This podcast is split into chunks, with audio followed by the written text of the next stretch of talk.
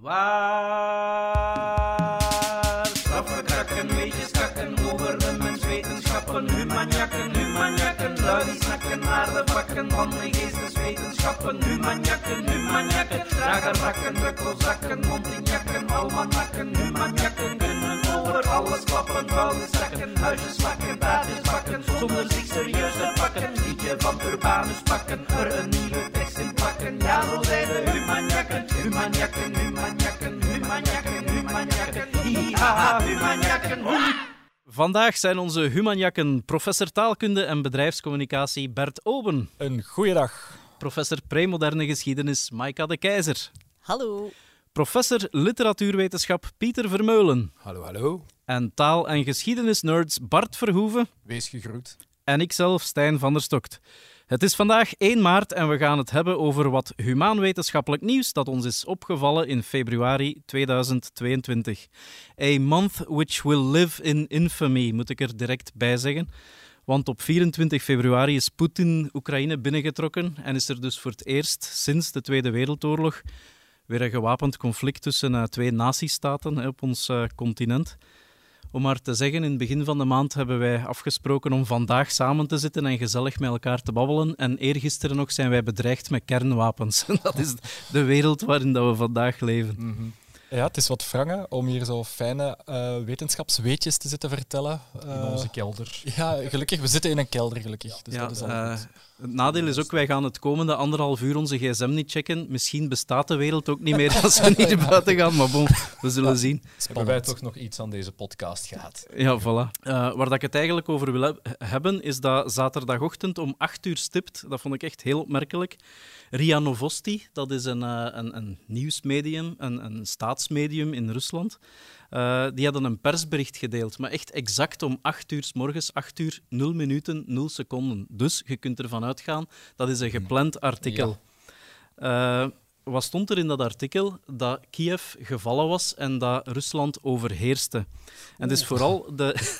Awkward. Het fel verkopen voor het geschoten. Absoluut, ja. Ja, de Russische beer. dus je kunt ervan uitgaan hè, eh, dat die mensen de timing van het Kremlin hebben gevolgd, eh, in tegenstelling tot de Oekraïners, die hebben die timing eh, niet meegevolgd. niet meegekregen. hè. Alle lof aan eh, het eh, factcheckerscollectief Bellingcat, die hebben dat aan het licht gebracht, eh, want dat artikel heeft ook maar heel even online gestaan. Maar dus, eh, die de- vooral de terminologie in eh, dat artikel, dat, dat viel mij echt op. Eh, ik ga even citeren. Hè. Eh, Vladimir Poetin wordt geprezen omwille van het opnemen van zijn historische verantwoordelijkheid om het Oekraïense vraagstuk voor eens en voor altijd op te lossen. Proficiat, ja. Proficiat Vladimir Poetin. ja. Rusland is opnieuw heel gemaakt na de historische vergissing van 1991. Dus dat is het uiteenvallen van de Sovjet-Unie. Het meest interessante vond ik, eh, het conflict wordt een burgeroorlog genoemd. Het is een virtuele burgeroorlog, noemen ze het. En het is dus eigenlijk, volgens het Kremlin en volgens de staatsmedia, een intern Russisch conflict. Ergo, de Oekraïners bestaan niet als natie. En wij moeten er ons niet mee bemoeien, want het is een intern conflict. Ja, voilà. eh, het is een burgeroorlog. Ehm, Goed geprobeerd, hè? Eh, ja, alleen de Oekraïners hebben dat niet. Ja, dat is Ja, jammer. Dat is die jammer. Luisteren andere daar visie over. Jammer, jammer voor, eh, voor Poetin. Wat ik eigenlijk ook best grappig vond dan, ook al is grappig misschien een wrang woord in deze context, eh, ze, ze noemen de Oekraïners eigenlijk in ene, naam, in ene adem met de Russen en de Wit-Russen en ze noemen hen de Klein-Russen. Terwijl Klein-Rusland volgens mij toch nog altijd eerder in Zelzaten ligt dan in Oekraïne, maar bon. Dus die terminologie die, die verraadt wel echt de ideologie en de intenties van het Kremlin, vind ik. eh. Alleen, ehm, Mag ik eens vragen, Stijn, was dat een eh, boodschap voor intern Russisch eh, Ja, communicatief dus- gebruik, of was het ook een boodschap aan mensen in zeil zaten? En mensen vraag mij gewoon af. ja. Misschien aan de lokale PVDA. Ja, eh. wel, ik dacht wel. Ja, die boodschap is dan toch niet goed overgekomen, heb ik gemerkt. Ja. Dat is jammer. Ja. Uit alles blijkt dat het Russische regime dus ontkent eh, dat Oekraïne een aparte natiestaat is. En daar, daar is het eigenlijk helemaal om te doen. Eh, de vraag is van, is dat, ehm, ja, is dat een in- intentie? Is, of, of is dat, geloven ze dat echt? Het probleem is effectief, ja, de Oekraïners die geloven dat narratief zelf niet natuurlijk. Hè. Die hebben een heel eigen geschiedenis van Ja. duizend jaar. Eh, die is natuurlijk enorm verweven met die van Rusland, eh, maar die hebben zichzelf ook niet zelden gedefinieerd tegenover eh, die Russen. als, eh, als kleine David tegen de grote Goliath ook ernaast. En dat brengt ons eigenlijk bij de kern van de zaak. En dus dat opiniestuk van Harari, dat wij als goede humaniakken allemaal gelezen hebben, dat nazistaten fictie zijn. Ja. En die, die bestaan alleen maar omdat we er collectief in geloven. Dus als de ambitie was van Poetin om, om Oekraïne eh, te veroveren, om ook het narratief te veroveren, dan is hij daar met elke dag dat die oorlog langer duurt, keihard in aan het falen. Want je ziet nu echt dat proces van mythologisering opduiken. Elke oorlogsdag komen er nieuwe verhalen. Vandaag las ik nog iets van eh, het spook van Kiev. Het spook van Kiev, dat is zo'n beetje gelijk de, de Red Baron in, in de Eerste Wereldoorlog. Een, eh, een, een piloot, een gevechtspiloot, die zogezegd al 15 eh, gevechtsvliegtuigen van Rusland heeft eh, neergeschoten. Dat is waarschijnlijk niet waar, maar dat maakt niet uit. Met een goede dag nog wel. Het is ook heel leuk om te zien welke periode uit de geschiedenis die je neemt. Hè, Rusland, veel machtiger, veel groter dan Oekraïne en Kiev op het moment dat zij uitkiezen. Maar als je naar de middeleeuwen zou gaan, dan ligt het zwaartepunt van daar waar een Russisch rijk of een Russische nazistaat zou gelegen hebben, eerder in Oekraïne. En dan zouden zij eigenlijk kunnen zeggen: Rusland, kom maar bij ons. Wij zijn het oorspronkelijk machtscentrum en jullie zijn de parvenu. Dus op dat De vlak is dat Russen. inderdaad Het altijd. celzaten van Dat is de discussie. Maar dan in het groot. Ja, dus dat is altijd zeer leuk om te zien. Ja, oké, je kan dat argument maken, dat Ja. dat inderdaad op dat moment, maar grijp terug naar een andere periode Tuurlijk. en het verhaal is helemaal anders. Rusland was gigantisch gedecentraliseerd, zelfs tot aan de late middeleeuwen. Je had allemaal kleine prinsdommen, eh waar dat de namen nu kleine regio's zijn geworden, maar eh, Novgorod was, was belangrijker als stad dan Moskou. Moskou was een patattenveld hè, in de middeleeuwen, dus... Maar misschien even terug naar dat, dat narratief. Hè. Je zag zo nog, eh, nog dingen. Hè. Ehm, Irina Tsvila, ik weet niet of je dat verhaal eh, hebt gelezen. Dat is, zo, ja, allee, dat, is, dat is typisch ook. Dat is dan zo'n held die nu opgevoerd wordt. Die is 52 jaar oud, een, een dame, eh, lerares, moeder van twee kinderen, geloof ik, die gesneuveld is nu, maar die ooit, eh, toen de Krim geannexeerd is en de Donbass eh, werd geannexeerd of, of toch bezet, daar is gaan vechten en sindsdien de wapens heeft opgenomen. Niet zozeer omdat ze agressief is, maar uit vaderlandsliefde en om haar kinderen te beschermen. Dus zo'n soort held wordt er gecreëerd. Zijn ze held aan, aan, de, aan de kant van de goede of van de slechte? Wel, dat- in ons perspectief, denk ik, wij, wij kiezen de kant van de underdog. Dus de- ook de strijd Ja. tegen autocratie eh, versus Ja, ja. democratie. Je merkt ook dat heel Europa zich daar nu achter schaart. Dat is niet alleen eh, cynische machtspolitiek, Mm. dat is denk ik ook echt Mm-hmm. oprechte verontwaardiging over het feit dat die liberale waarden onder druk staan aan Ja. onze oostgrens. Ja, het is voor mij wat toch wel viel was dat hoe, hoe, hoe sneller meteen al zo'n counterframe geplaatst wordt. Hè. Je hebt, ik heb al tientallen foto's gezien van onschuldige kindjes naast stoute tankjes. En zoals je zegt, ehm, het is meteen een soort beelden, narratieve oorlog geworden. eh, waar dat wij ook volop aan meedoen. Hè. Eh, Absoluut, en, maar ik eh, vind dat eerlijk gezegd, het, het gaat ook weer wrang klinken, maar ik vind dat geweldig eh, Mhm. op, op veel vlakken. Zoals bijvoorbeeld eh, die, die 13 grenswachters op dat Slangeneiland. Mhm. Juist. Ook de naam Ja. alleen al Slangeneiland is precies of we zitten in, in, in een piratenroman. maar dus die... eh, die is ook gewoon een klassiek narratief. David en Goliath. Ja, Eh, voilà, dat is- dat is, zijn- dat, dat, dat is altijd 300, beter dan dat zijn te de verwijzen. 300 Spartanen, effectief. Ja, dat Eh, en go fuck yourself, zeggen die. Dat kan Ja. echt uit een Hollywood-film perfect komen. Engels dan Ja. nog? Eh, dat, Absoluut. ik, ik heb alleen maar de Engelse vertaling, helaas.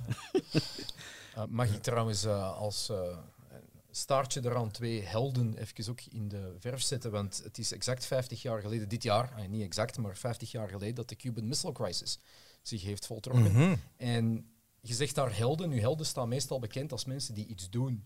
Er zijn eigenlijk twee gigantisch interessante Sovjet-soldaten geweest die de wereld apart van elkaar gered hebben door juist geen fluit te doen. en de eerste is Klinkt in gelijk 1962. Sovjets, ja. Ja, voilà. Cuban Missile Crisis was Vasily Archipov. Dat was een van de drie commandanten van een duikboot die dat eigenlijk een Amerikaanse blokkade aan Cuba moest openbreken. Maar die mannen waren dus ook gedeconnecteerd van de wereld. En die zijn door dieptebommen heen moeten varen, waardoor dat die dachten, shit, de oorlog is begonnen. En twee van die commandanten stonden op het punt om op de rode knop te drukken. Maar de derde, Archipov, heeft gezegd, mannen, chill, we weten niet alles. Ook in perfect Engels. In perfect Engels, ja. Toen al. Chill. Dat was, ehm, dat was een term dat zij daarvoor gebruikten. En eh, dat heeft ons misschien wel hey, dat heeft ons de planeet gered. En dan een tweede, 83, exact hetzelfde, Stanislav Petrov, die dat ehm, een of andere bewakingspost eh en die dat eigenlijk de radar, de satelliet, eh, het was het Russisch voor oog in ieder geval. Dat, dat is de naam van de satelliet. Ai. Perfect. Ehm, en die had foutief gezien dat er vijf nucleaire raketten van Amerika op weg waren naar Rusland. Nu, dat was een fout. Gebeurd, ja. jouw weerspiegeling van zonlicht. En die mens heeft dat niet aan zijn overste gemeld. Want hij, zou, hij dacht bij zichzelf, ja maar als die Amerikanen ons kapot willen, gaan ze geen vijf raketten sturen. Dit is, dit is nonsens. En omdat hij dat niet gemeld heeft, zitten wij hier nog. Ja, het is dus dankzij de zelfbeheersing van die helden dat we eigenlijk Ja, nog altijd en eigenlijk hebben die kunnen gedaan wat ze niet mochten doen volgens hun opleiding. Die hebben nagedacht. Ja. Goed, moesten we Ja, tijd hebben, ik voilà, zou een dus minuut doen. zdrovje. maar- Hier eh, school Ja. voor de twee helden die ons... eh, Dat is een mooie noot om mee te besluiten. eh, een, een eerbetoon aan twee goede Russen eh, ja, die niks gedaan Die hebben. helemaal niks gedaan hebben. die helemaal niks gedaan daarvoor. hebben. Goed, eh, misschien dan toch maar over naar de orde van de dag eh, en, en wat leukere onderwerpen, of alleszins de onderwerpen waarvoor we eigenlijk naar, naar hier gekomen waren. Bert gaat iets mee over de leerbaarheid van taal, als ik me niet vergis. Dat klopt, en het heeft eigenlijk, misschien sluit het erbij aan, het heeft met machtsrelaties te maken. Eh, maar dan macht als in de tweede macht of de derde macht eh, van iets, eh, x kwadraat of zo. Eh, het heeft met eh, Zipf's law te maken, de wet van Zipf. En dat is al een hele oude observatie dat hij, eh, dat hij gemaakt heeft, namelijk dat er ehm, een exponentiële relatie is tussen de rangorde van een woord en de frequentie van een woord. Oké, dat is Wacht, complex. Dat ja. gaat je moeten uitleggen. Eh, dat ga ik graag doen. Het komt er eigenlijk op neer dat er in eigenlijk eender welke taal die je bestudeert, dat er ehm, heel weinig woorden zijn die heel veel voorkomen. In het Nederlands iets als ja of dat, of of, of is of hij. En dat zijn, het zijn een paar woorden die enorm vaak voorkomen. Ehm, en er zijn heel veel woorden die heel weinig voorkomen. Die maar, die maar een paar keer in de taal voorkomen. En dat is dus geen lineaire verhouding, ja, eh, maar een exponentiële functie.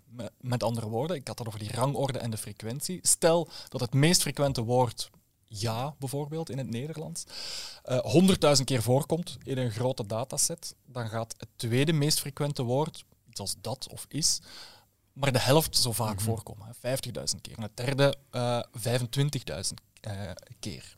Dus dat is een exponentiële eh, functie die er, die er daarin zit. Nu, oké, oud nieuws. ehm, ik weet niet. weet Voor mij is dat nieuw nieuws, maar ja, eh, dat is behoorlijk nieuw nieuws. dus, dus, eh, 100 jaar oud nieuws of zo. Ik Ah, kan ja, er vanaf ja. zijn, jaren 20 of 30. ehm, Voor premoderne historici extreem recent. Oké, heel goed.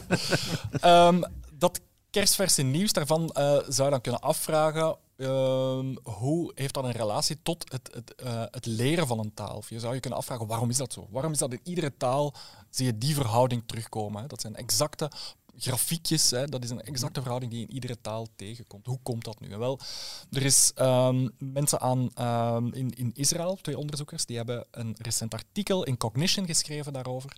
En zij tonen aan dat het wel degelijk ehm, zijn zin heeft voor het leren van een taal. Dus dat die structuur van een taal, waarbij sommige woorden heel vaak voorkomen en heel veel woorden heel weinig voorkomen, dat je op die manier beter een taal leert, dan mocht ieder woord even vaak voorkomen. is dat dan omdat je eh, veel minder woorden nodig hebt om een taal eh, enigszins te beheersen? Ja.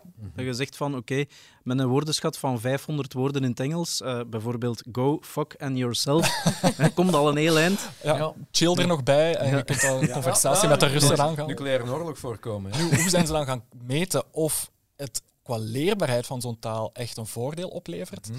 Ehm, wel, ik ga dat aan de hand van een voorbeeldje eens bij jullie testen ook. Eigenlijk. Ze, hebben, ze hebben een. Bring it ehm, on. ze hebben, we zitten hier nu toch eh, eh, te wachten op het einde der tijden. Eh, ze hebben een neptaal gecreëerd waarbij ieder woord drie lettergrepen telt. Iets als babiku of pipita. Dus allemaal woorden van exact drie lettergrepen. En proefpersonen die kregen een hele woordenbrei te horen. Gewoon een opeenvolging van allemaal lettergrepen. Ehm, en dat waren dus eigenlijk gewoon die woorden die achter elkaar uitgesproken werden. En dat, is eigenlijk het perspectief van een baby of zo, van een taalleerder. Stel, je kent niks van Nederlands. Ik ben hier aan het babbelen, maar je weet niet waar het ene woord begint en het andere eindigt. Dat is ook omdat er alleen maar pipita tegen kinderen gezegd wordt. eh. Ja, zo- dat, dat, dat zou je denken, maar dat blijkt dus inderdaad volgens hun studie net niet, eh, nog niet zo te zijn. Ik ga eens kijken of jullie in staat zijn om in de, de neptaal die zij dus gevormd hebben, om daaruit de woorden te halen. Dus ik ga een reeks van lettergrepen naar elkaar zeggen. Ehm, dat zijn dus telkens afzonderlijke woorden. Dus telkens drie opeenvolgende lettergrepen vormen één woord. En ik ga aan het einde van die reeks aan jullie vragen, het woord dat ik aan jullie voorleg, is dat echt of niet? Is dat onderdeel van die neptaal of niet? Hier gaan we. Du, no, bi, na, be, di, ki, lu, me, ge, ka, to, na, be, di, ki, lu, me, du, no, bi, ge, ka, to, na, be, di, ge, ka, to, du, no, bi. Even checken of dat we Satan niet hebben opgeroepen. Ja. Dat lijkt mee te vallen. Mijn haar is er wel al ros van geworden, maar eh, buiten dat valt het nog goed mee. De vraag aan jullie is nu, welke van deze twee woorden zat in deze taal? Is een, is een woord dat bestond in de taal die ik hier nu net heb opgevoerd? Is dat kilume of is dat nabide? Het eerste. Ja, ik zou, ik. ik zou ook voor kilo meegaan. Ja. We gaan dan voor het tweede. Dat is Ja. wel goed. Ik was eigenlijk ook wel eerder naar het tweede aan het neigen. Oké, 50-50. mooie 50-50. Ehm, het was het eerste. Ja. Het was kilume. Goed gedaan. In het voorbeeld dat ik gaf, Hmm? kwam ieder woord even vaak voor. Ja, dat was lastig. En dat maakte het net lastig. Oké. Ook in dat experiment, als de woorden even vaak voorkwamen, dan had je slechtere taalleerders dan wanneer die zip-verdeling gebruikt werd.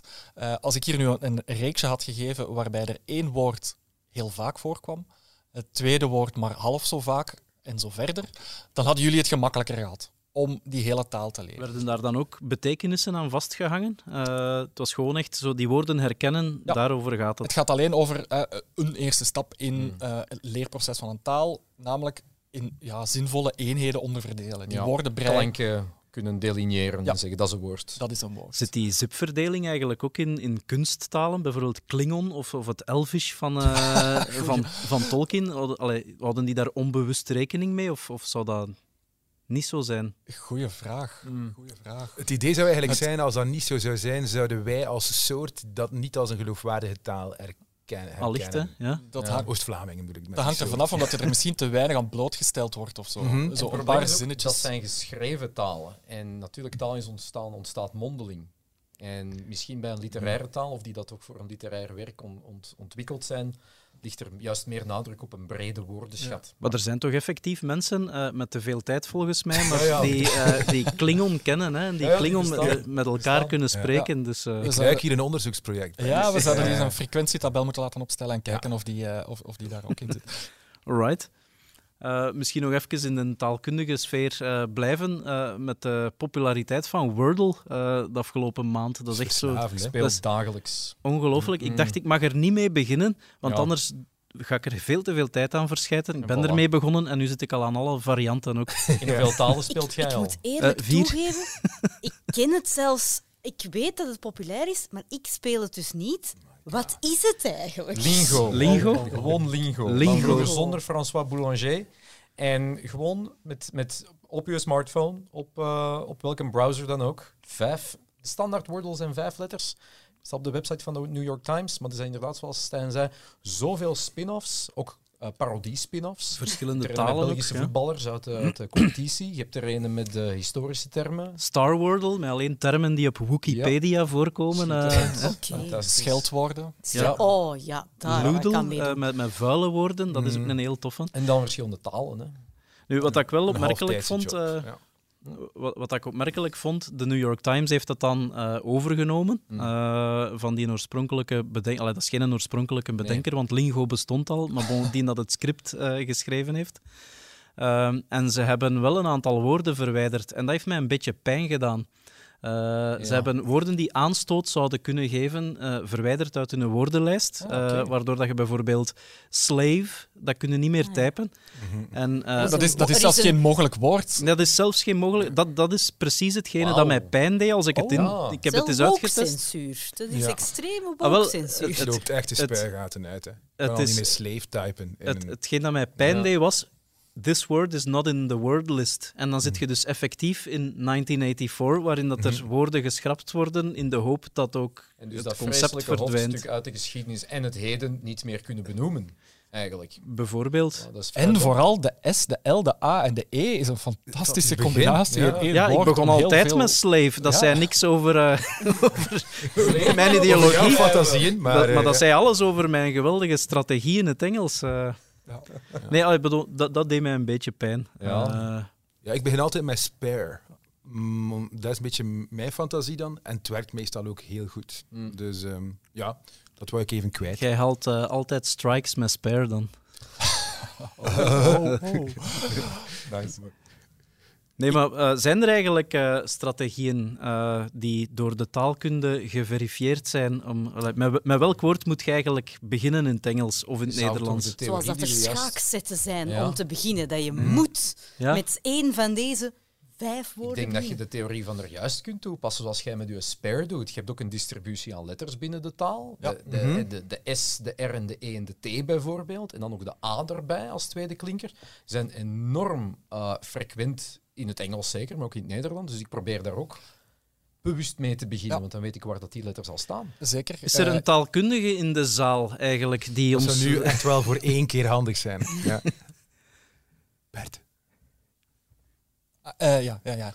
Ehm, ik, ehm, ik kan daar nog aan toevoegen. Niet alleen de letters hebben hun frequentie, maar ook op een net iets hoger niveau, zogeheten eh n-grams, 2 grams of 3 grams. Combinaties van twee letters Ja, die elkaar opvolgen, die waar. hebben ook hun frequentiedistributie. En daar Aan het je dus begin of het einde van een woord Ja.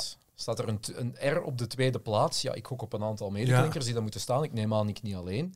Ja. En hetzelfde met een E die van achter staat, dan weet je, daar moet een medeklinker voor. Ja. Of zoiets als een O op de voorlaatste plaats. Ik had dat vorige week ergens en ja, dat Ja. snap je. Ja, dan, dan gooi ik ook de telefoon weg. Ja. Ja. Voilà. Ik, eh, ik ga hier iets opbiechten. Ehm, ik, ik, speel eigenlijk vals bij Wordle en bij Woordje. Want ik gebruik... Schande. eh, ja, ja ik, ik gebruik mijn toegang tot grote eh, corpora om, om dingen op te zoeken. Dus als ik al weet dat het eindigt op eh, VE bijvoorbeeld, dan eh, kan ik met zogeheten reguliere expressies, dat zijn karakters die je kan ingeven eh, Mhm. in, in een zoekmachine, dan kan je op zoek gaan naar die ontbrekende letters en wat de meest waarschijnlijke ontbrekende letters zijn. En wat, Is het plezier er dan toch niet een beetje af? En voelt u daar nu bij? Ja, Ja. Is een- dat is niet alleen vals spelen, dat is toch ook gewoon het hele concept ondergraven? Allee, proficiat. Ja. Meneer de taalkundige. het, erge, het erge is nog, het, het erge is, het erge is nog dat eh, mijn vrouw weet dat. Eh, en die doet dat besproken En geweest. toch wint hij sneller Ja, dan jij. ja, ja, dat is ja, wel ja. mooi. Exact dat. dat. Het is verschrikkelijk. Zelfs met de hulp van de wetenschap kan ik niet van mijn eigen vrouw winnen. En Oké, dat maar is, zo hoort het eigenlijk. dat, ja, nee, dat Ja. is dramatisch heel Vals veel spelen loont niet. Weet je wat dat ook nog een heel goeie is, waarvoor dat je alleen maar kunt gokken? Letterle. En, maar serieus, één die- letter, die, 26 die bestaat echt. Je hebt 26 Ja, ja, ja. kansen. Ja. Gewoon één vakje, De. Ja. Daar staat, en dan staat het daar met je distributie. Hè? Ja. Ja, Even corpus even goed de. X Ja. zijn of Ja. de Q. En daar staat Ja. je dan. Een radicaal democratisch Ja, dat is- Wordle-versie. Dat is echt helemaal de voor. anarchistische versie zelfs Ja. ervan. Ehm, en voor de ultra-geeks, Semantle verdient absoluut. een shout-out van hier tot daar. Ehm, ja, ik ben zelf ook eh taal- en letterkundige en de semantiek vind ik extreem interessant. De netwerken die dat op betekeniswoorden met elkaar hebben. Semantle is, eh, kan u uren van uw tijd kosten. Er zijn geen maximum aantal gokken en je moet dus zo dicht mogelijk bij het woord geraken door toevallig woorden te tikken die in het betekenisveld zijn. Dan krijg je een ranking waardoor je dichter en dichter en dichter bij het woord komt. En dat blijft uren duren. Geef misschien eens een voorbeeld, want ik weet niet of het Ja, voor iedereen wel, duidelijk is. Eh, een paar dagen geleden was het historian. En je begint dus gewoon met een leeg vakje. Je begint met oh, cold, table, slave kan wel. En dan op den duur had ik book. En dan kom je binnen de eerste duizend woorden semantisch gezien van dat woord. En dan krijg je een groen balkje. En dan komt, dat, komt er een cijfer bij. Hoe dicht zit je bij je woord? En dan ben je author, writer.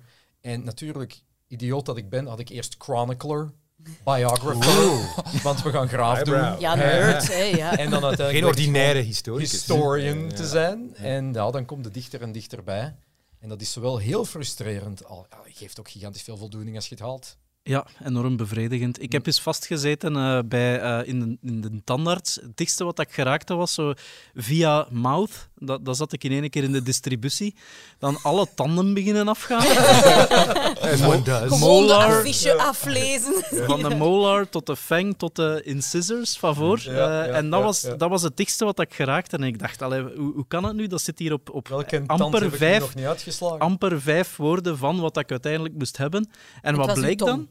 Nee, alles in de mond geprobeerd. Eh, titel van je sekstape ook, maar... eh,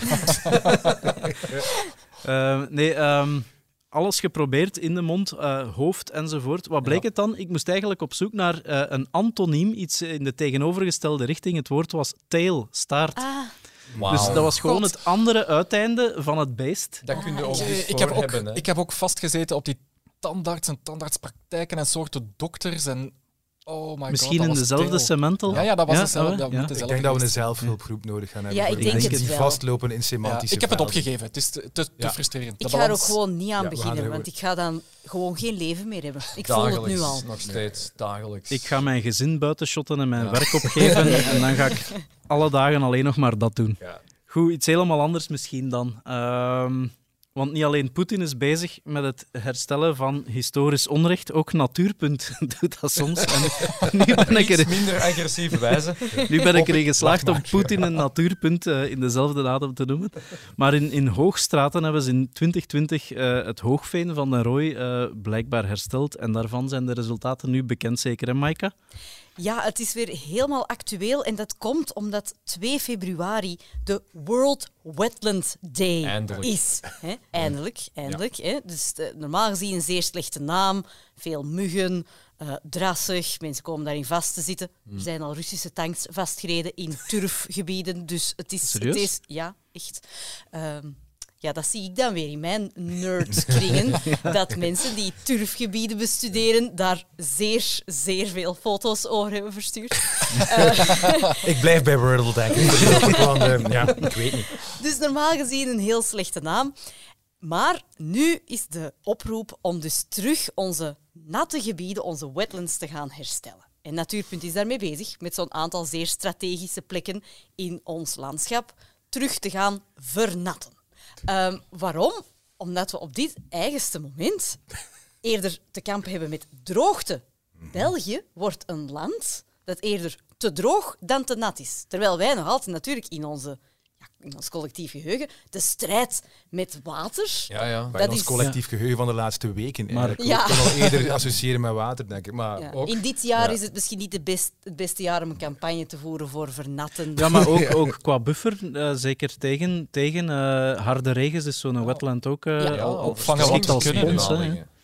Maar dus historisch gezien was, was Vlaanderen dan, eh, misschien moeten we dat even eh, concreet maken of zo, hoeveel procent van Vlaanderen was vroeger, pakt middeleeuwen of zo, bedekt met van die wetlands? eh?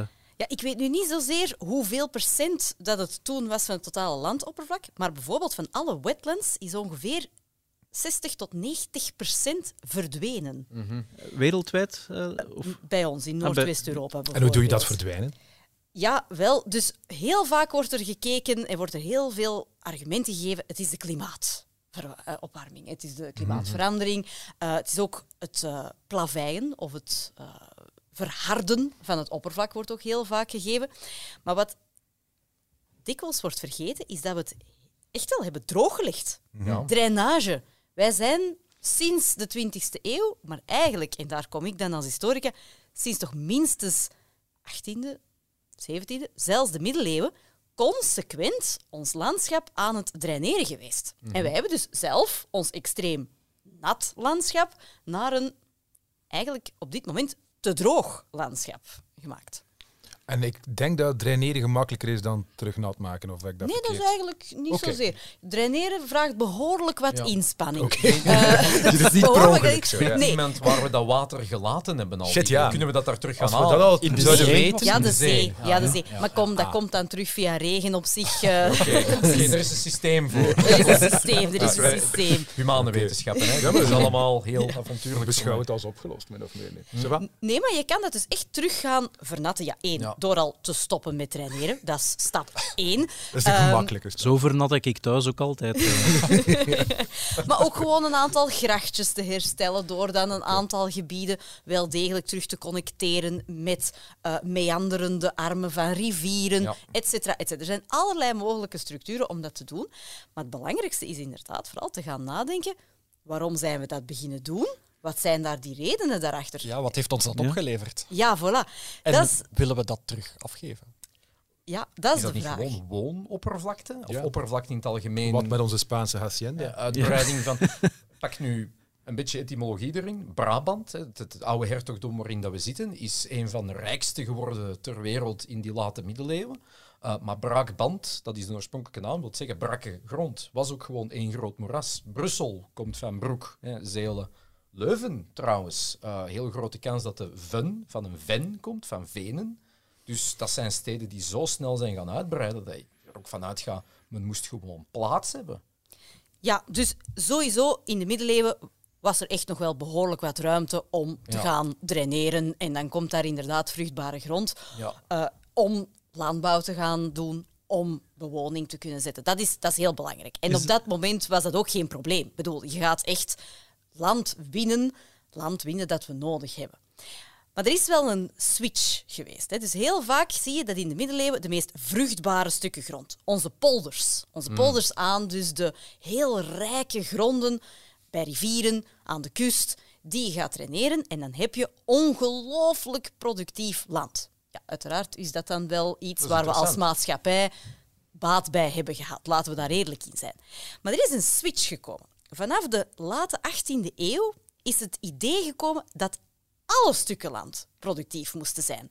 Is het te droog, dan ga je irrigeren. Is het te nat, ga je draineren. Is het onvruchtbaar, dan ga je er mest op gooien totdat het allemaal uniform graan of weiland kan worden. hè. Dat je graan kan produceren of weiland hebt. En daar is het een beetje misgegaan. Dat we niet enkel en alleen gronden die daar eigenlijk geschikt voor zijn, gronden die winsten kunnen geven, maar bij wijze van spreken eender welk stuk marginaal land proberen te gaan vormen tot Oké. En zo is Aalst graanland. ontstaan. En dus de boodschap is een beetje om marginaal land weer gewoon marginaal te laten zijn. Ja, Ja, ik kan er eigenlijk wel mee leven. Laat Aalst Dus, met rust. Maar zeker ook omdat het eigenlijk van in het begin gefaald is geweest. Heel veel van die stukken grond wilden ze dan omvormen. Niet per se om op te gaan wonen, maar dus om akkerland, om productief landbouwareaal van te maken. Bijna nergens gelukt.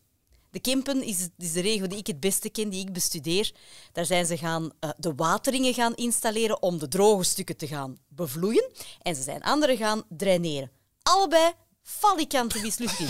Maar echt enorm. Daarom staat daar nu de zware industrie op sommige gebieden. Daarom staat daar nu ook vol mastbos, hè, dennenbos. Omdat ze zoiets hadden, kunnen niks, Niks anders niet meer mee doen. En een dennenboom groeit op alles. Dus dat doen we er dan maar mee. Die akkerlanden, nooit gelukt. Die Ja. weilanden. En nu zitten we nog altijd met die problemen. Hè. Heel dat mestactieplan en zo, allemaal om te compenseren. Dus dat klinkt allemaal zeer slecht, maar is het überhaupt mogelijk om terug te gaan naar waar we van komen? Of moeten we gewoon naar iets heel anders? Waarmee ik bedoel, een keer dat dat water weggedraineerd is, ja, dat lijkt mij niet omkeerbaar. Jawel, jawel. Dat gaat eigenlijk wel. Goeie boodschap. Er zijn een aantal van die zones en daarom, Natuurpunt kiest ook niet zomaar eender welke plek uit om daar dan te zeggen, dit is bij deze nat. Zij Dit in tegenstelling tot Poetin. Ik verklaar dit nat. Ja, voilà. Oké.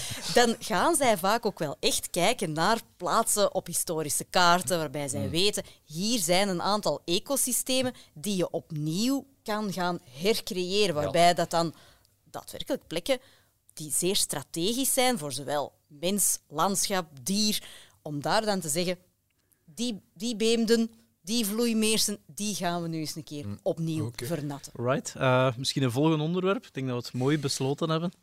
As an online discussion grows longer, the probability of a comparison involving Nazis or Hitler approaches one. Dat is de fameuze Godwin's Law. De wet die stelt dat als je online aan het discussiëren zit, dat er altijd een of andere zot onmiddellijk over Hitler begint, of uiteindelijk over Hitler begint. Uiteindelijk inderdaad. uiteindelijk over Hitler begint.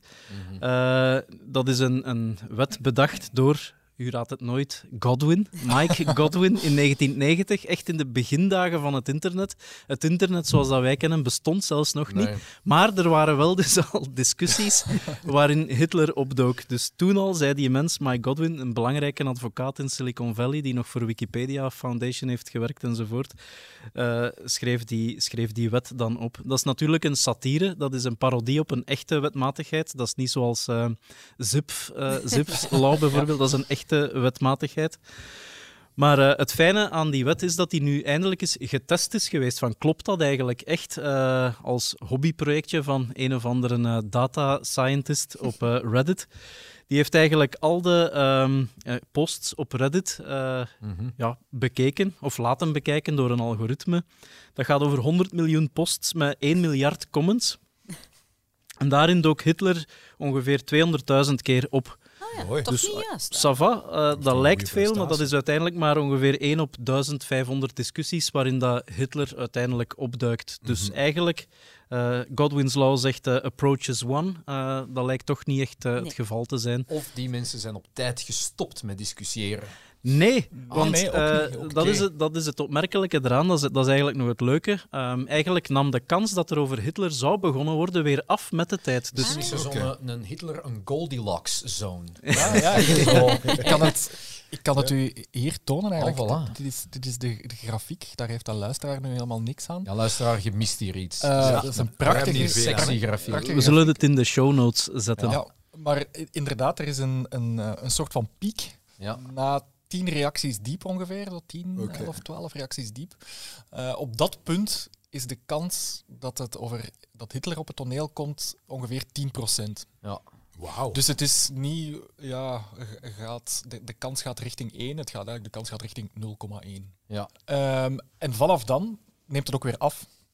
Dus Ja, als denk- het nog dieper gaat, dan... Zij die daar zitten te wachten op, op eh, de, de echte trolls, zijn het dan beu, denk ik. Die gaan dan ergens anders zoeken naar... Misschien kan ik hier Hitler introduceren, maar ja. Ja.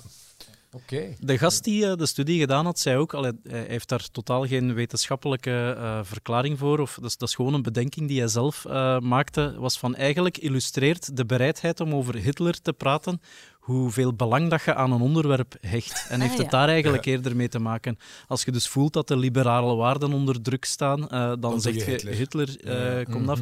Of omgekeerd, als je voelt dat er eh, ja, eh, iets anders onder druk staat. eh, ja, altijd komt je met Hitler als soort van ultiem voorbeeld van waar het hellend Ja, vlak ja. naartoe zou kunnen gaan. echtelijke ruzies als je toont dat je er echt nog om heeft. Hitler. Dat is een beetje de tip die we hier geven. Dat is goed. hè? En is er ook een grafiek het voor mee. het soort van onderwerp van debat? Ik bedoel, bij een debat dat ontstaat over een kattenfilmpje, heb je dan evenveel kans dat Hitler er Ja. wordt bijgesleurd? Bij bepaalde katten die zo'n snorken Ja, hebben, wel. Zeker. Ja, ja. Ja. Goed. Maar het onderwerp doet veel. hè. Zo'n vergeten groente gaat niet snel naar Hitler. Ik vraag me wel of dat er zo Discord-channels van Waarom niet? neonazis zijn, Ja. waar dat je zo onderzoek naar kunt doen. Hoe lang duurt het voordat dat die Godwin's Law vermelden? Ja. Het wel fijn dat je dat kunt opdragen. Ja. Ja. Een, meta-wetmatigheid. Ja. Ja. Zo, ja. Zou dat ook voor invasies gelden? Hoeveel buurlanden moet je eigenlijk eh, binnenvallen om met Hitler vergeleken te worden? Je kunt- als je begint met Georgië, wel afdoen. Tsjetsjenië, Dat is dan wel iets dat naar één toe gaat, denk ik. Dat denk ik Dus ook. de echte Godwin's Law, geopolitiek. Enfin, zitten we toch weer bij die onnozele Poetin, terwijl dat we het eigenlijk over leuke dingen wouden hebben. Zoals een eh, studie over eh, literatuur eh, in de middeleeuwen, ridderliteratuur met name. Pieter, jij weet daar alles over. Ik weet daar letterlijk alles over. Maar niet alles, want er is natuurlijk heel veel middeleeuwse literatuur niet overgeleverd. En eh, er is redelijk straf onderzoek gebeurd daarnaar. Een eh, grote groep wetenschappers die de vraag gesteld heeft: hoe kunnen we eigenlijk weten of inschatten hoeveel teksten er eigenlijk verdwenen zijn? Ehm, ze hebben het in een onderzoek over survivorship bias, dat we eigenlijk alleen maar werken met het materiaal dat er overgeleverd is, maar daardoor precies ook wel de diversiteit van de middeleeuwen wat miskennen. Eh, wat ze gedaan hebben is slim. Ze hebben eh, gekeken naar een ecologisch model eh, van een bepaalde ecologische wetenschapster.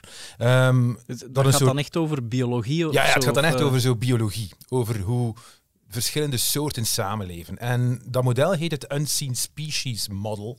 Het komt erop neer dat als je bijvoorbeeld twee katten met Hitlersnor ziet, dat je eigenlijk weet op basis van bepaalde parameters dat er eigenlijk 700 zijn.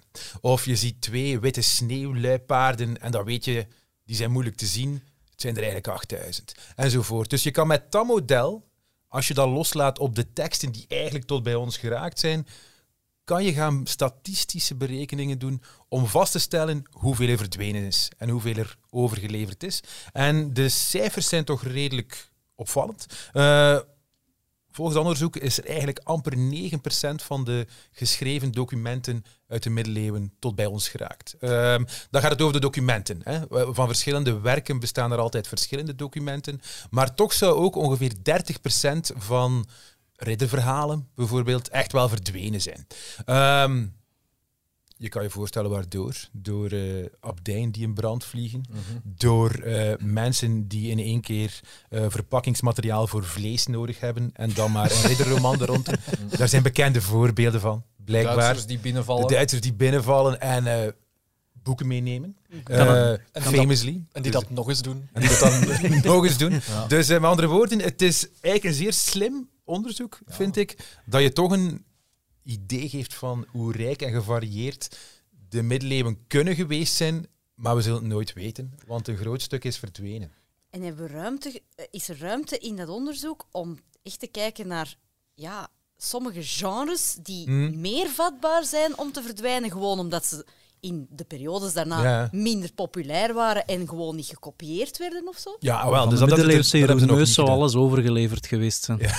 Dus, Bijvoorbeeld, hè. Dus, eh, de beroemde wet van, van Meus dan. Maar ehm, ze hebben niet gekeken naar verschillende genres, ze hebben wel gekeken naar verschillende talen. En daarbij komen ze tot de opvallende conclusie dat dingen die geschreven waren in het Duits, IJslands of Iers veel minder verdwenen zijn dan dingen die geschreven zijn in het Engels, Nederlands of Frans. Hebben ze daar ook een verklaring voor? Jawel, ze zouden geen wetenschappers zijn als ze daar geen verklaring voor hadden. Ehm, een verklaring is dat de manuscripten, de documenten in die eilandgemeenschappen, IJsland en Ierland, ze doen voor het gemak ook alsof dat Duitsland een eiland is, maar dat Som- maakt het een beetje moeilijk. Maar het zijn creatieve wetenschappers. in de geschiedenis. Ja, misschien de mooiste momenten in de geschiedenis. Was dat misschien wel zo? Ehm, dat daar zo de documenten beter verspreid waren, waardoor dat ze minder vatbaar waren voor zoiets als een abdijbrand, waarin dan het unieke exemplaar van een tekst zou verdwenen zijn. Dus teksten werden meer gekopieerd in die eilanden, volgens die hypotheses van het onderzoek, Waarom- en daardoor minder vatbaar voor ellende. Ja, je hebt alleen maar dat misschien. Wel, een, een, als ik een onderzoek goed lees, is dat omdat zij denken dat eilanden zo werken, omdat ehm, ecodiversiteit van echte beesten, planten en zo op eilanden ook, Ook op meer manier. uitgedijnd en minder gecentraliseerd werken. Dat en geldt meer zowel voor katten met. Hitlersnorren als voor eh literaire teksten. als voor. Ja, dus ehm, dat is denk ik een beetje misschien het zwak punt van het onderzoek, dat ze iets te ver meegaan in die ecologische metafoor. Want uiteindelijk blijft het natuurlijk een metafoor. Hè? is maar het is wel een boeiende Maar- metafoor, vind ik. Maar kan het ook zijn, eh, bijvoorbeeld, eh, allee, als ik mij nu goed herinner van toen ik zelf nog eh, geschiedenis leerde, eh, dat er in Ierland dat er, dat, en, en Schotland bijvoorbeeld Mhm. ook, of in IJsland, dat er klangemeenschappen waren.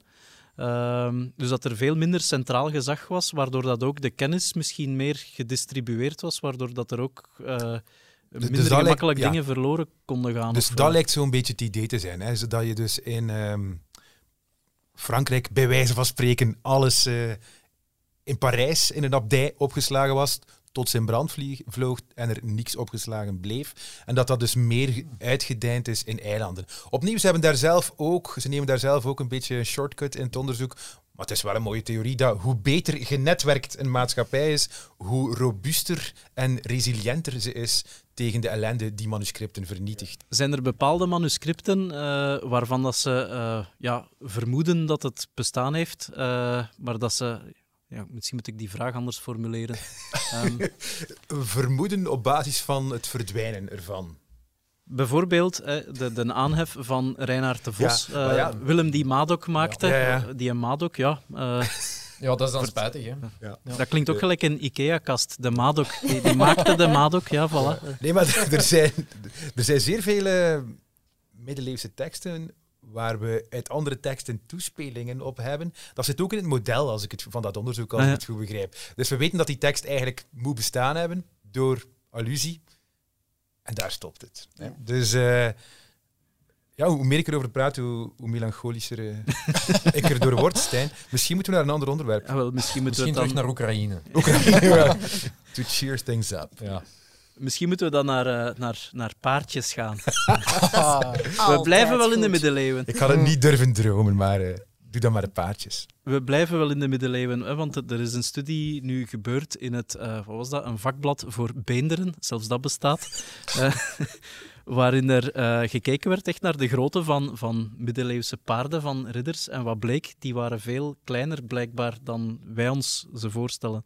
Ja, er zijn archeologen op zoek gegaan naar ongelooflijk veel paardenbotten. 1900 en zoveel botten zijn er bestudeerd om na te gaan hoe groot het gemiddelde paard was van ridders in de periode 300, 1600 ongeveer. En dan kwam daaruit dat, het de gemiddelde, dat de gemiddelde lengte ongeveer een pony was. En nu ga ik meteen al de vraag stellen: hoe stellen jullie nu de gemiddelde ridder voor? Op een Shetland pony of zo, veronderstel ik. Terwijl natuurlijk een pony, het verschil tussen een paard en een pony, dat is nog altijd wel een schofhoogte van ongeveer, eh, ja, eigenlijk niet ongeveer, 148 centimeter. Verschil. Nee, nee, dus de, dat is de Ja, grens. hè. Alles boven die schofhoogte is een paard. Ja. Alles onder die schofhoogte is een pony. Oké, oké. Maar nu ga je ons vertellen dat de middeleeuwse ridder ook maar een meter twintig was. Eh, nee. Of, nee, of dat die paarden maar gemiddeld drie centimeter kleiner waren en daardoor net als pony gecategoriseerd zijn. Ah, Ja, ik heb al heel veel verwijzingen van hahaha, al die ridders reden op Shetland ponies. Dat is dus inderdaad niet het geval. Hè. Ze reden nog altijd wel op behoorlijk grote ponies. maar in ieder kleine geval... paarden. Maar kleine paarden hangt er allemaal vanaf van het perspectief. Nu, heel toffe studie. Op zich, historici wisten dit ook al wel weer. Hè. Dit is geen nieuwe kennis. Maar het is wel waar. Wij hebben een verkeerd beeld bij een ridder op zo'n majestueus paard. Dat was dus niet. Het enige leuke is, deze studie geeft gemiddeldes. Terwijl het eigenlijk nog interessanter is dan dat. Er is een omgekeerde U-curve in de lengte, de grootte van paarden doorheen de middeleeuwen. Dat wil zeggen, dus eerst waren ze klein, dan werden ze groter en dan werden ze weer kleiner. Ja, absoluut. Dus als we gaan kijken naar de periode vroege middeleeuwen tot en met ongeveer de 12e eeuw, waren paarden inderdaad behoorlijk klein. En dat is omdat in Europa de meeste paarden, de inheemse paarden, zijn inderdaad ponies. Dat zijn kleine paardjes. Dat is waar dat je het mee moet stellen. Toch elke keer als je het woord pony zegt, stel ik mij weer die ridder Ja, op op- een Shetland ponyke voor. ja wel, maar voeten slepend op de grond. Zo. Maar het is ook zo. Je moet maar eens kijken. En heel vaak denken mensen dat ze gewoon niet goed konden tekenen of gewoon niet goed konden schilderen. Maar kijk naar het tapijt van Bayeux. Misschien moeten we dat ook op de website zetten. Daar hangen de voeten van de ridders wel bijna op de grond. En dus vaak ging men er dan gewoon vanuit. Perspectief, niet hun sterkste kant. Maar nu komt het er eigenlijk wel op neer dat waarschijnlijk dat ook wel zo was. Dat die, dat die ridders niet hoog boven de grond zaten, maar dus op een vrij Bayeux, dat gaat over, eh, Dus, het, eh, over, de, Hastings. Ja, over de slag bij Hastings, verovering van, van Groot-Brittannië. Dus eigenlijk is Groot-Brittannië veroverd op ponies. Ponies. Op ponies, inderdaad. En je ziet dat ook aan de, aan de zadels en zo verder. Mensen, ridders, oefenden heel sterk om helemaal gewapend op een paard te kunnen springen. Als dat een paard is van een meter 70 in uw harnas, daar geraakt jij niet op. Dus dat waren inderdaad behoorlijk kleine paardjes op dat moment. En wat was dan het voordeel van een paard op het slagveld als het niet zo groot was? Ik dacht altijd, ja, een paard, eh, als je nu kijkt naar de bereden politie bijvoorbeeld, dat is indrukwekkend. Die kunnen een charge eh, uitvoeren en, en een betoging breken of zo. Eh, mij leek dat in de middeleeuwen ook het geval te zijn, maar als die zo groot niet zijn, Ja, het is één snel. Je kan ergens naartoe snellen. je zit nog altijd wel hoger dan de gemiddelde mens te voet en je kan nog altijd naar beneden steken. Mhm. En dan, daarom pakken Europeanen mannelijke paarden, hengsten, die vechten mee. Die bijten, die stampen en die werden daar dus wel degelijk op geselecteerd om extreem agressief te zijn. Kijk eens Hè? aan. oké. Ja. En dan is er een verandering gekomen. Ja, want waar komt die U, eh, Ja. omgekeerde U vandaan dan? Op een bepaald moment krijg je wat men noemt zware cavalerie. hè. De echte middeleeuwse ridders die met steeds zwaarder harnas, schild, lans en zo Ja. verder. En dus die ponies konden dat niet aan. Die ponies konden dat niet aan. Dus je moest grotere paarden kweken. Eh, collectieve burn-out. Staking, wij doen niet meer mee. Go fuck yourself. En dan zijn ze dus beginnen paarden gaan kweken met invloed van Spaanse paarden, met paarden uit het Midden-Oosten. Ja, de om- kruistochten toch, hè? Ja, om dus steeds... Kruisen van paarden eigenlijk. Kruisen van paarden. Nice. betekenis Daarvoor. kruistocht. Absoluut. Genetische woordspeling. Ja. En dus dan kreeg je steeds grotere en grotere en grotere paarden. En dan kreeg je ook andere zadels. hè. Dus Je springt niet meer op je paard, je wordt er echt op gehesen. En dan is het de bedoeling dat je daarop blijft zitten, in zo'n zadel dat je helemaal vastzet. En dan krijg je ons typisch beeld van de ridder in harnas op dat paard dat kan steken, met paarden die enorm groot moeten geweest zijn. En dat heeft een speciale naam. Een dextrarius. Dat is het ultieme paard. Dat is als je in de literatuur... Rechts. Eh, voor, ja, een rechtspaard. Ja, Een heel sterk woest. En daar is Godwin's Law alweer. Mochten die grote paarden ook agressief meebijten of werden die verondersteld om nee, dat is gewoon, Ze- gewoon- loop erop af. ja, transport? En wij, wij steken met onze lans of met ons zwaard. ja, en jij wel. moet sterk genoeg zijn om mij Dat daar naartoe te krijgen. En dat is dus het ultieme paard. Dat wil je hebben. Als je een chique, prestigieuze ridder bent, dan wil je zo'n dextrarius hebben. Er is nogthans een heel mooi tegenvoorbeeld van ehm, de Peasants Revolt in 1381 in Engeland. Waar dat ze, ja, ik weet dat dankzij een schitterende documentaire met Tony Robinson, beter bekend als Baldrick van de ehm zeg Blackadder. serie. En die gaan eigenlijk die, die, die een opstand van gewone Engelsen tegen niet zozeer de koning, maar tegen de belastingen, gaan die in kaart brengen door ook naar wapens te kijken en naar de paarden te kijken. En blijkbaar, even een brug terug naar IJsland, ze gebruiken in een documentaire een IJslandse pony die genetisch het dichtste bij de paarden dat die boeren moeten gebruikt hebben staat.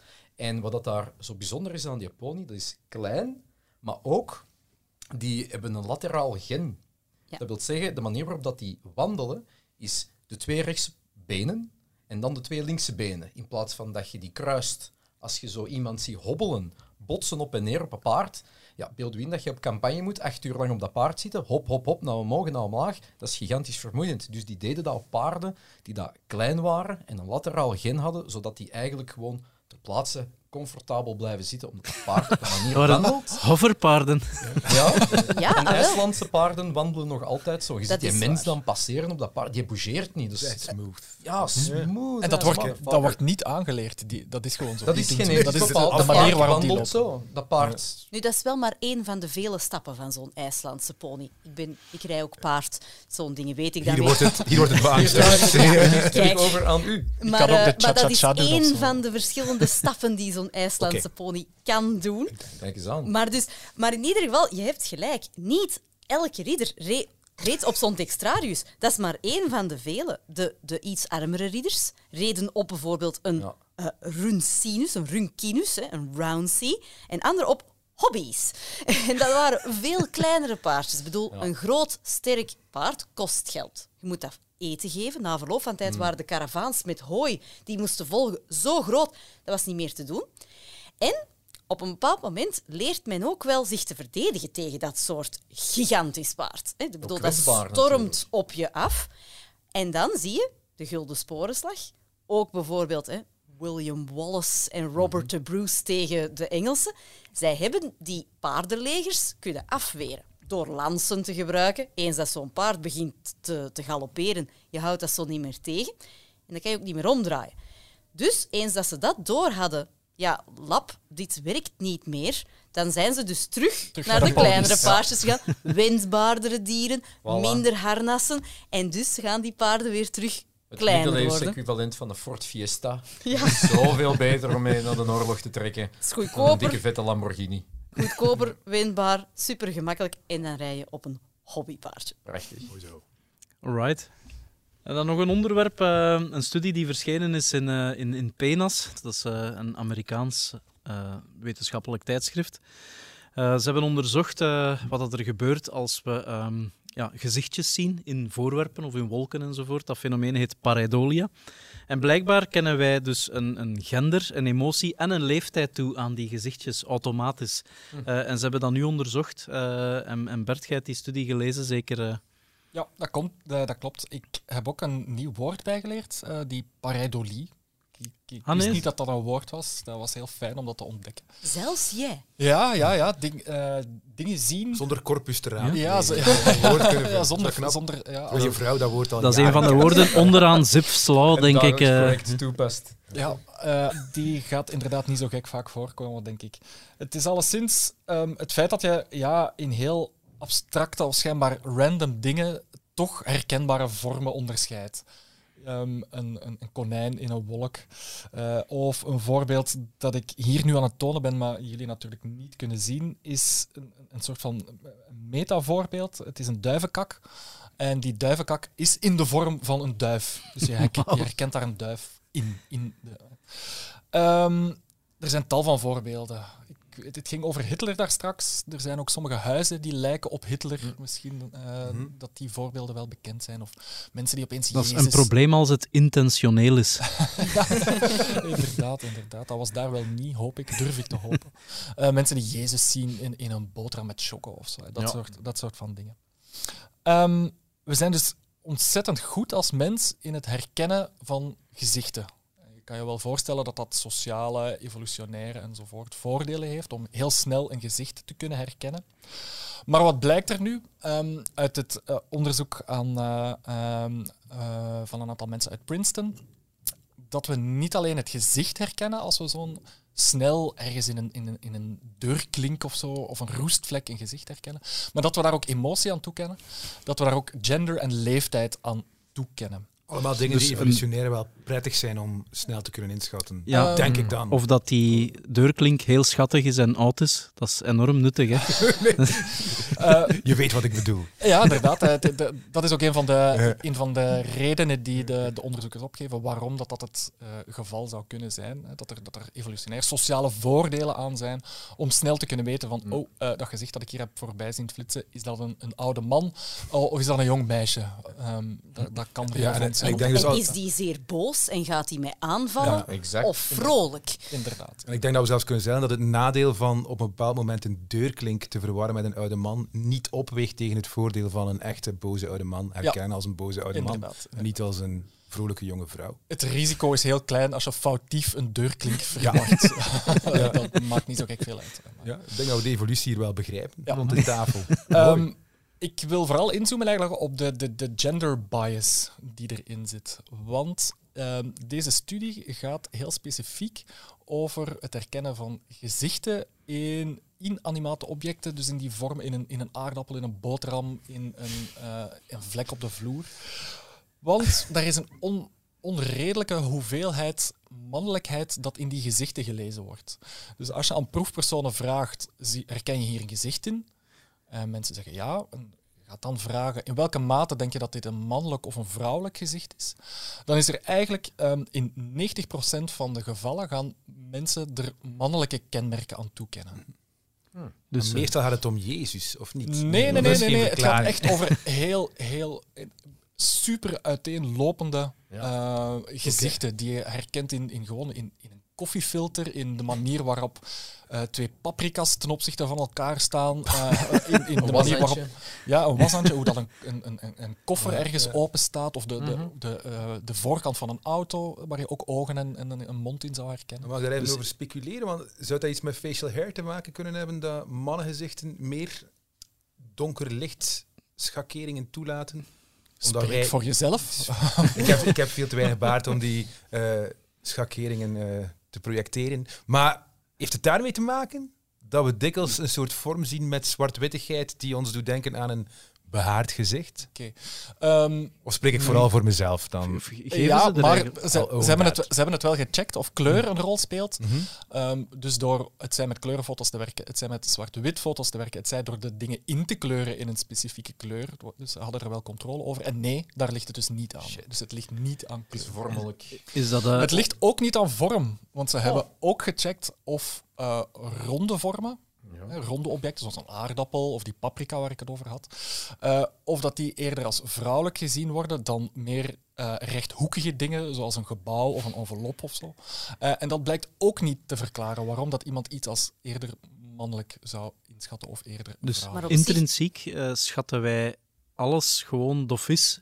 Dat, dat, dat, is, dat is een intrinsieke eigenschap. Wij zijn seksistisch van aard. Wij kennen eh, automatisch makkelijker mannelijke eigenschappen aan iets toe dan vrouwelijke. Het jouw beurt Ja. om voor jezelf te spreken, Stijn, maar... eh, Nee, maar is dat ook niet verder. zoals dat je zegt, stel jezelf een professor voor en dan denken ze toch nog eerder aan Hmm. een mannelijke professor, et cetera, en dat je dat dan zelfs nog kan vertalen naar een droevige deurklink. Ik Heel denk dat juist, dat maar met dat verschil dat er nog wel makkelijker een reden voor te verzinnen valt dat mensen bij een professor sneller aan Ja. een mannelijke professor eh, denken, omdat die er nu eenmaal meer zijn, of, of zeker waren. Terwijl Schuldig- mannelijke deur klinken inderdaad. een Bedreigde minderheid. Ja, Nu natuurlijk, ik, ik neem vaak heel veel aanstoot aan het feit dat ze vrouwen heel weinig voorstellen in machtsposities, et cetera.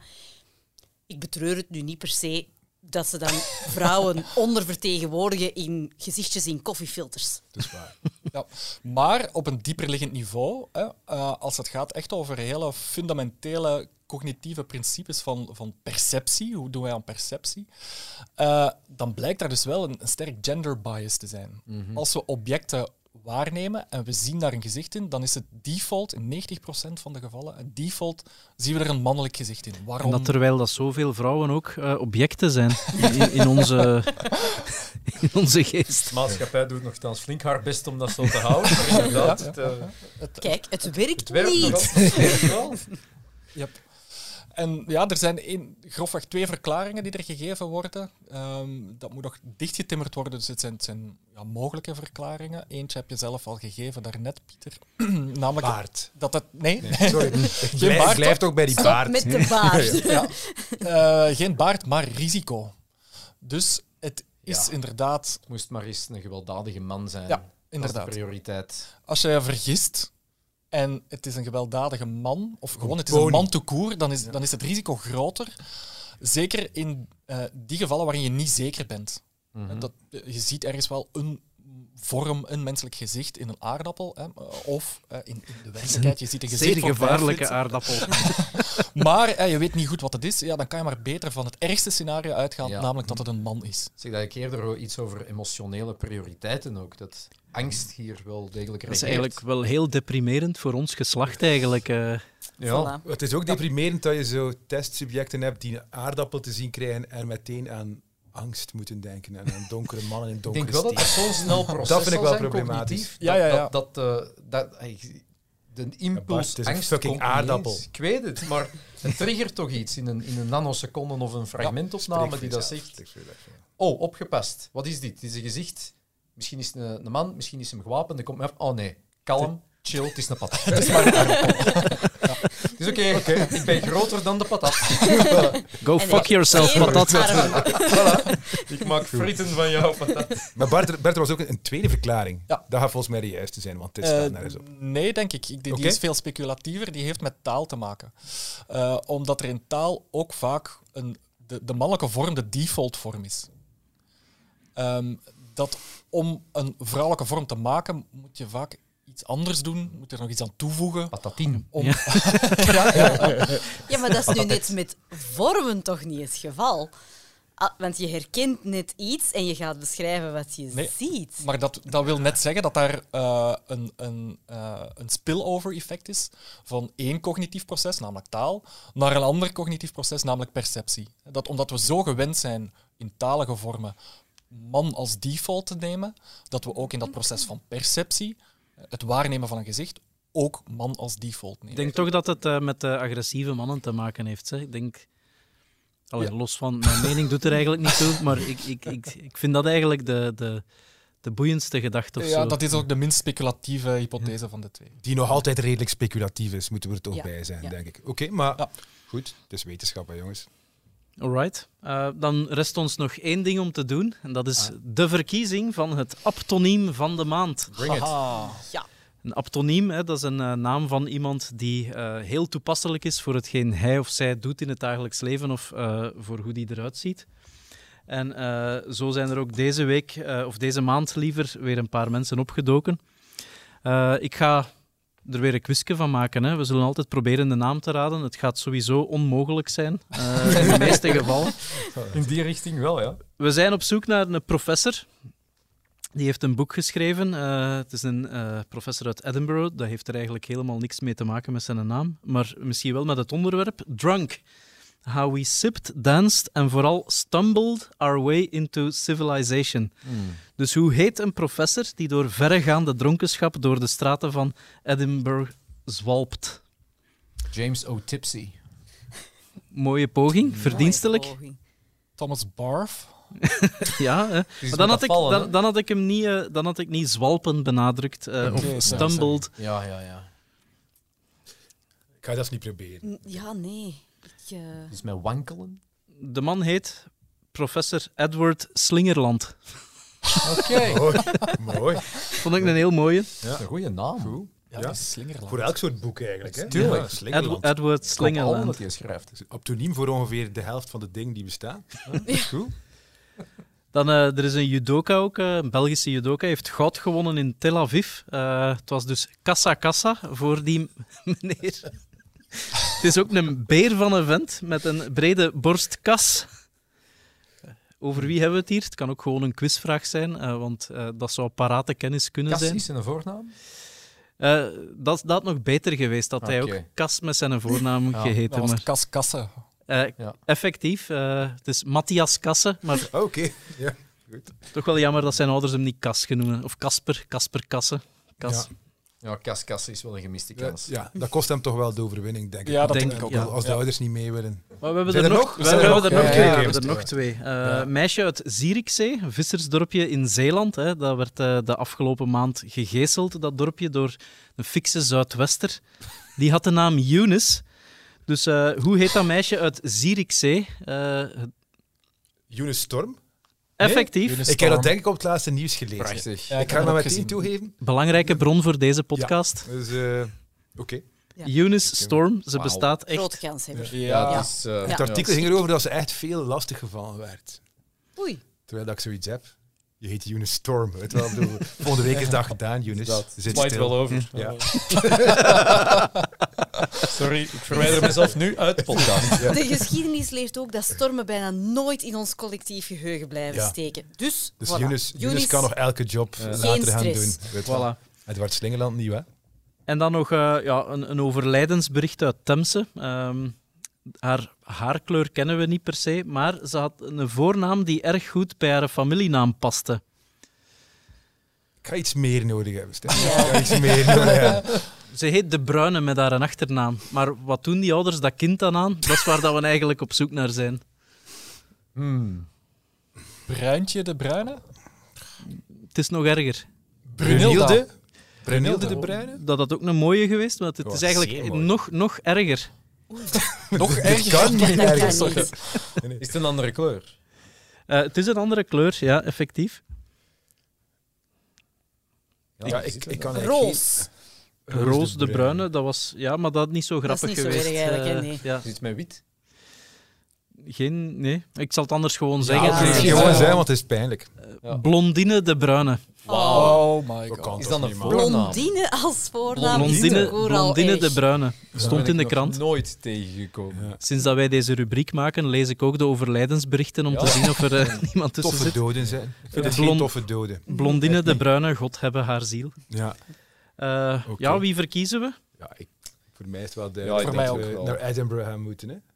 Ah, ik nee. ik zou voor de storm storm. gaan. Ik ga ook ja. voor de storm. Ja? Dat is toch de meest toepasselijke eigenlijk, Ja, hè, Pieter? dat is zo Ja, specifiek. Die andere is gewoon wel leuk, Ja. maar het is Kijk, wel oké, het is- Er is een toepasselijk. goede kans dat Slingerland nog terugkomt in onze podcast met Ja. zo'n naam. Ja, Die heeft nog waar. kansen. Blijvers. Ja. Voilà. Ja. Alright. Nee. Terwijl voor Younes is het is nu of nooit. Het is, Ja. het is eigenlijk al een beetje te laat. We vergeten sowieso die storm volgende Ja. maand. Dus Ja. nu is het moment. Oké. Younes, mocht je nog leven als Zierikzee nog niet ondergelopen is en je luistert naar deze podcast, proficiat. Je wordt nog eens lastig gevallen met je naam. Jij Door bent ons. twee weken nadat iedereen het al vergeten was, nog eens lastig gevallen met de naam Younes Storm. Misschien kunnen we vanaf nu een vaste rubriek dat we elke maand de wereld aan het bestaan van Younes Storm. Eh, ik bedoel, Ze verdient het in feite. ik vind Ja. het ook wel. Voilà, en daarmee kunnen we ook de gezegende maand februari 2022 anno domini veilig naar de archieven verwijzen. Dank Maika de Keizer. Dag. Dank Bert Oben. Ciao. Dank Pieter Vermeulen. Dag. Dank Bart Verhoeven. Op zijn graag gedaan. En alle humanjakken thuis om naar ons te luisteren ook een dikke dankjewel. Tot volgende maand.